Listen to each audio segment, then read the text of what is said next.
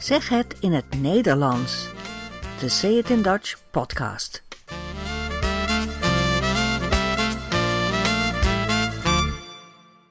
Nummer 35.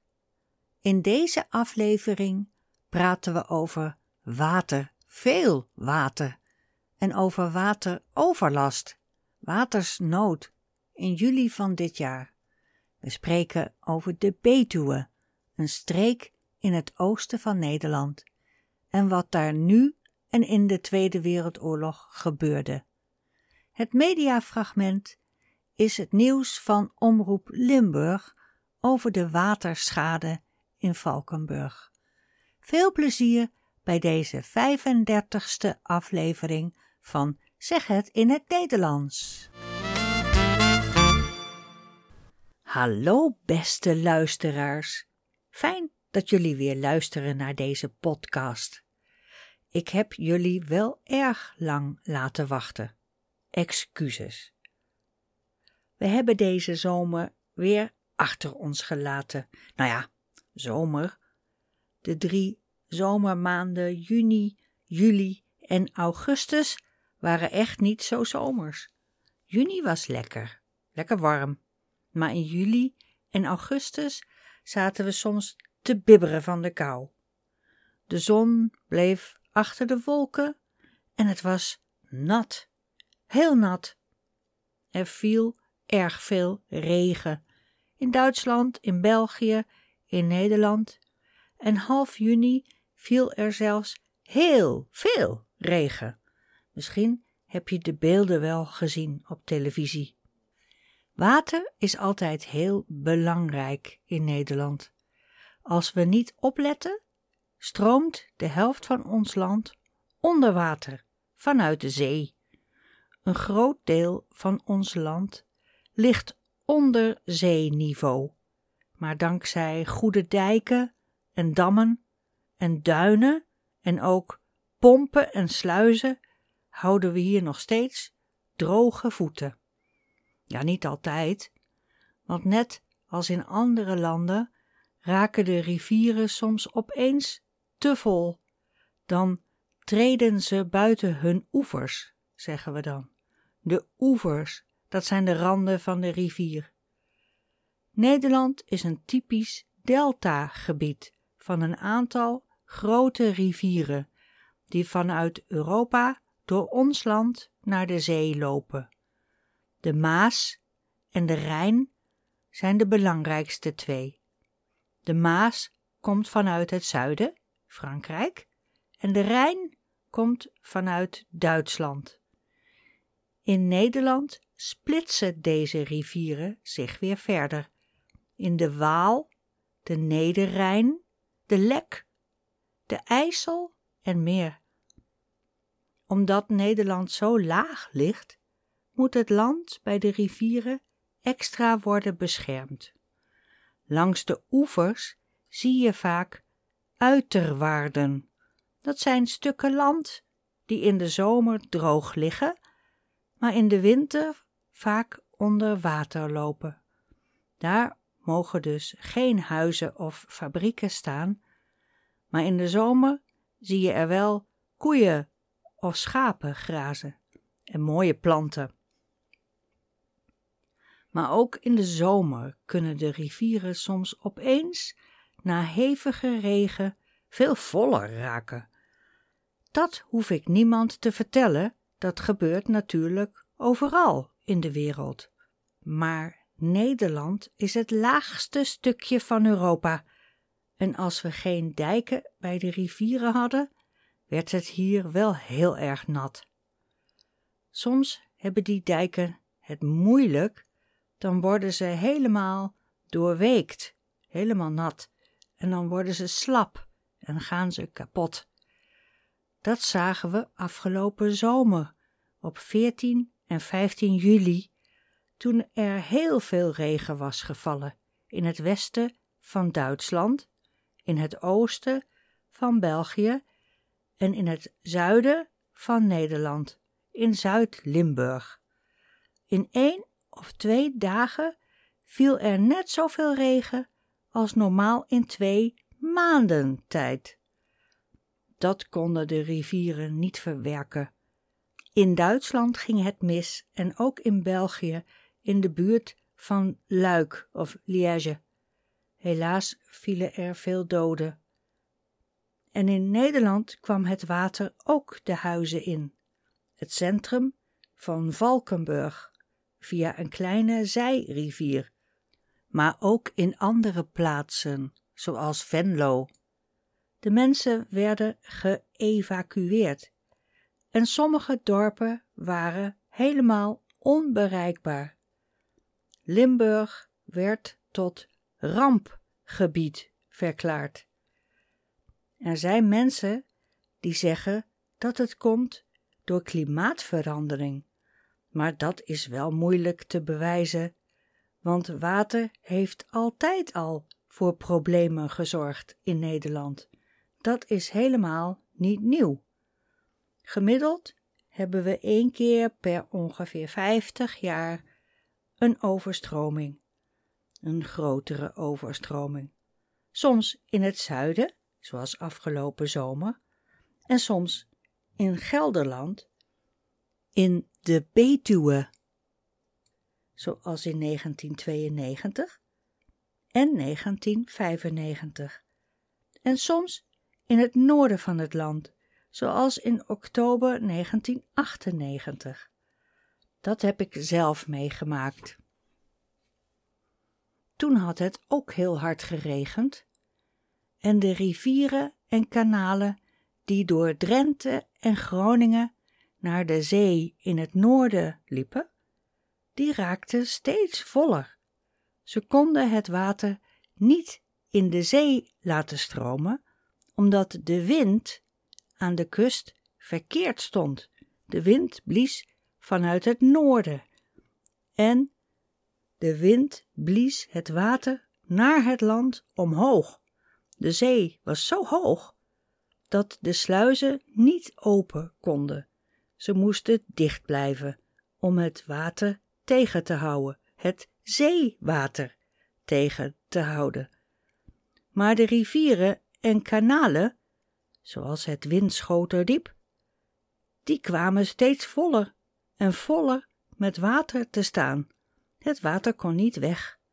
Het water drukte tegen de dijken, die bijna gingen breken en dan zou er, in Winschoten, een hele woonwijk onder water lopen.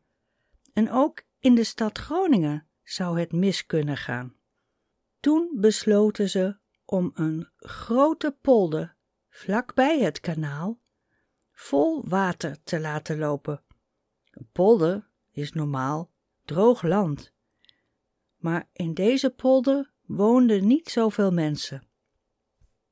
Het waren vooral weilanden met koeien en paarden en zo. De boer die daar woonde moest met zijn vee de polder verlaten.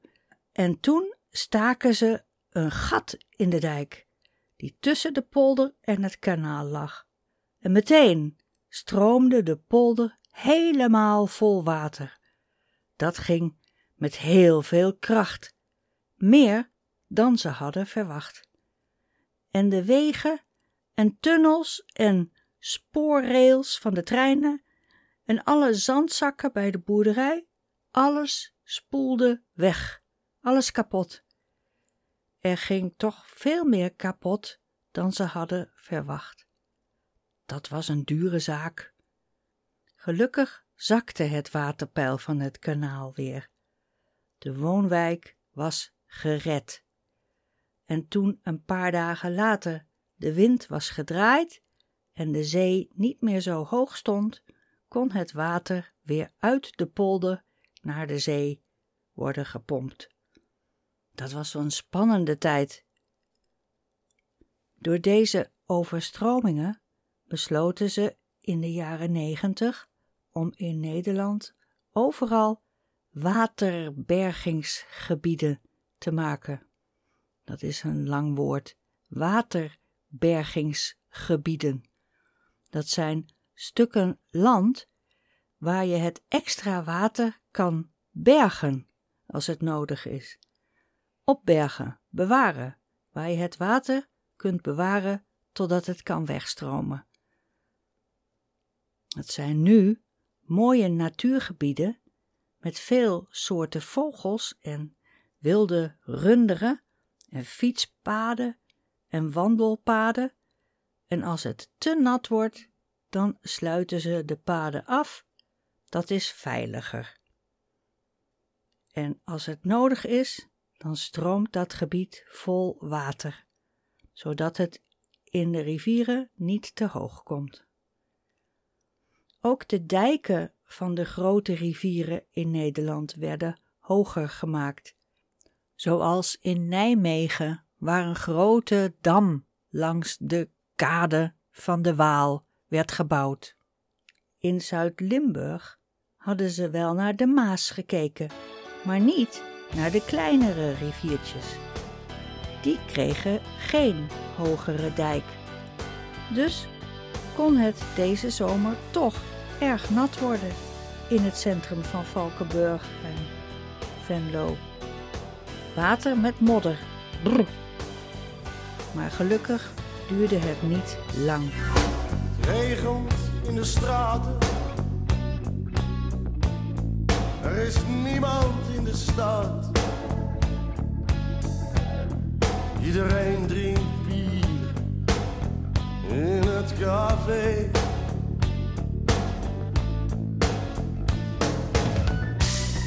En wie niet drinkt, rijdt spat mijn pijpen nat.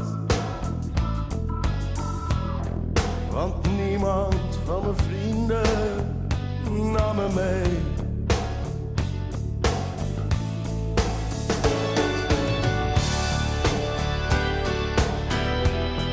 Er is niemand in de stad.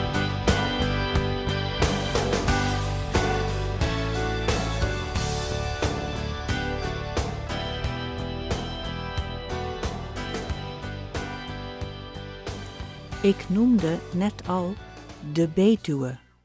Dat is een streek in het oosten van Nederland. Het ligt ten zuidoosten van Utrecht. En de streek ligt tussen de twee grote rivieren, de Waal aan de zuidkant en de Rijn aan de noordkant. De Betuwe. Als je de naam leest en je komt niet uit Nederland, dan weet je misschien niet hoe je het moet uitspreken. De Betuwe.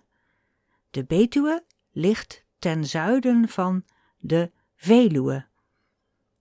We weten niet precies waar de naam Betuwe vandaan komt.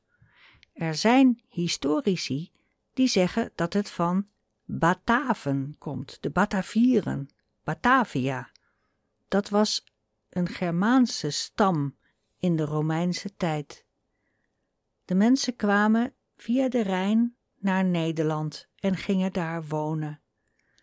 We zien de Batavieren een beetje als onze voorvaderen. Maar er woonden al veel eerder mensen in ons land, wel 2000 jaar voor Christus. Maar Batavieren, dat klinkt wel goed. De Betuwe was toen nog een eiland in de Rijn, Insula Batavorum, het eiland van de Batavieren. Dat schreef Lucius Cassius Dio in de tweede eeuw na Christus, een Romeinse schrijver. De Batavieren konden goed paardrijden, schrijft hij, en ze konden ook heel goed met een paard de rivier oversteken. Zie je het voor je? Wauw, Daarom waren ze elitetroepen van de Romeinen en mochten ze meevechten. En ze waren ook lijfwacht van de keizer in Rome. Niet mis, hè? Daar stammen de Nederlanders dus in theorie van af. Ja, ja. En het woord Batavieren werd later de Betuwe. De Betuwe ligt vlakbij Arnhem en misschien weten jullie dat er in 1944, in de Tweede Wereldoorlog, heel hard gevochten is om Arnhem. Er is in de jaren zeventig ook een speelfilm over gemaakt. Met Sean Connery en Ryan O'Neill en Michael Caine en nog veel meer. A Bridge Too Far, een brug te ver. Die film gaat over Operation Market Garden in september 1944. De Engelse en Poolse soldaten moesten de bruggen van Nijmegen en Arnhem veroveren. Maar dat is toen niet gelukt. En de Betuwe had het heel zwaar. De Betuwe was precies het front geworden. Aan de ene kant bevrijd gebied in Nederland en aan de andere kant het Duitse leger. Het was het front, het oorlogsfront. In die tijd zijn er wel 130 vliegtuigen neergestort in de Betuwe. Dus er werd hard gevochten. Maar dat was het niet het enige. Het was niet alleen oorlog, er waren ook nog grote overstromingen van de rivieren. Het had in 1944 heel erg geregend, net als afgelopen zomer. Maar de dijken hielden het nog. Het ging nog goed. Maar de Duitsers, die wilden de Engelsen uit het gebied verdrijven door het onder water te zetten. Ze inundeerden het gebied. Inunderen, zo heet dat. In Nederland is dat niet zo moeilijk. Je hoeft alleen maar een dijk door te steken en het hele land wordt water. Dus de Duitsers maakten met dynamiet een gat in de dijk van de Rijn vlakbij Arnhem. Dat was in december 1944. En meteen stroomde al het water van de Rijn krachtig het land over. Zo krachtig dat ook andere dijken kapot gingen. De Duitsers zeiden tegen de mensen in de Betuwe dat de Engelsen dat hadden gedaan. Ook de liniedijk ging kapot. Dat was natuurlijk helemaal niet de bedoeling van de Duitsers. Zo kwam een veel groter gebied onder water te staan. veel mensen die toen nog niet geëvacueerd waren, die moesten vluchten of bovenop het dak gaan zitten en alles stroomde onder water. Daar hadden de Duitsers natuurlijk zelf ook veel last van. En toen, na een paar weken, ging het vriezen, het werd koud en al dat water werd ook nog eens ijs.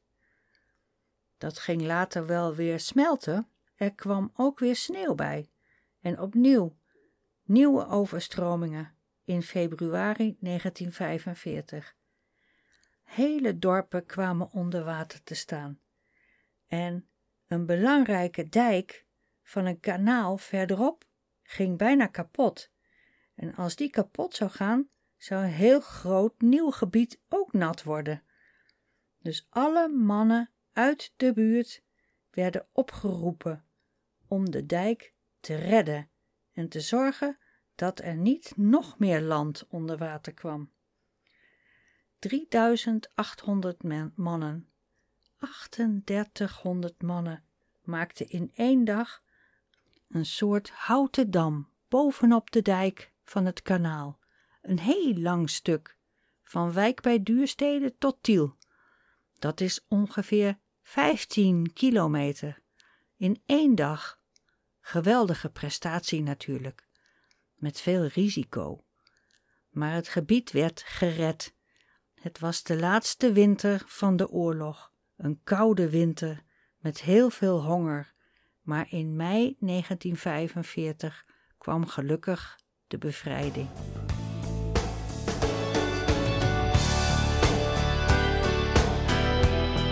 Er is niemand in de stad.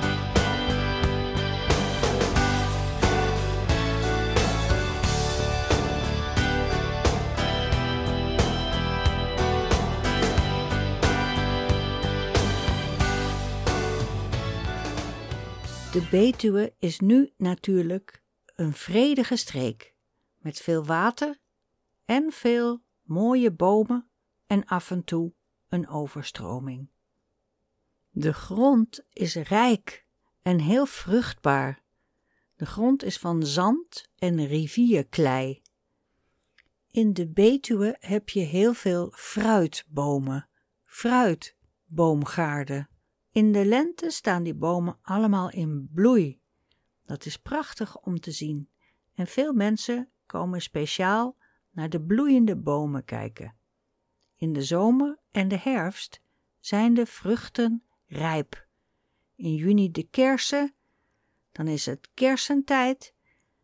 En in oktober of september, oktober de appels en de peren. Er groeien ook aardbeien en pruimen. In Geldermalsen staat de grootste fruitveiling van Nederland. Die bestaat al meer dan honderd jaar. En daar komen de fruithandelaren en de fruitboeren bij elkaar om handel te drijven. In de plaats Tiel in de Betuwe stond een beroemde jamfabriek. De Betuwe was de naam. En ze maakte Betuwe jam. De fabriek werd gebouwd in 1885. En in 1935 bedachten ze een klein mannetje, een mascotte, als reclame. En dat was een mannetje met de naam Flipje. Flipje van Tiel. Het mannetje was gemaakt van een framboos met benen en armen van bessen. En het werd een enorm populair mannetje. Je kon albums sparen, plaatjes en een filmpje. En er kwamen allemaal boekjes met uh, verhalen over Flipje, met meneer de olifant. En korte verhaaltjes op rijm, die heb ik als kind ook nog wel gelezen. Flipje van Tiel was wereldberoemd, in Nederland dan. Daarom kun je zijn beeldje ook nog vinden in Tiel. Een klein standbeeldje van Flipje. En er is een Flipje en Jam Museum in Tiel. De fabriek is er niet meer. Hij werd gesloten in 1993. Maar iedereen weet nog wie Flipje is. Flipje van Tiel.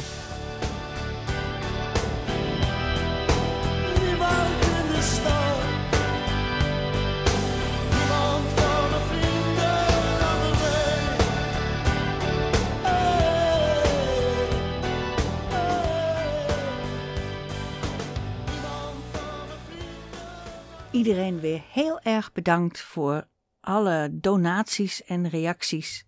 Geweldig. Ik zal even een paar reacties voorlezen. Dit is een hele korte. Tronville schrijft: Het is een goede podcast. Gefeliciteerd. Dankjewel, meneer Tronville. Fijn om te horen. Ik kreeg ook een reactie op de aflevering over Zwarte Piet. Het was een soort lesje Critical Race Theory. Dankjewel, Birger. Kreeg ook een mail van Hamid.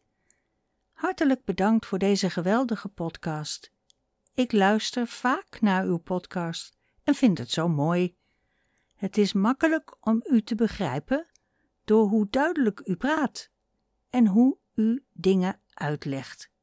Ik leer ook veel over de Nederlandse cultuur.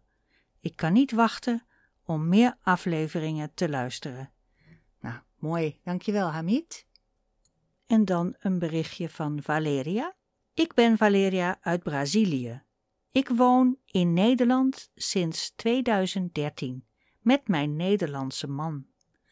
Ik heb deze leuke podcast gevonden, want ik wil beter Nederlands spreken.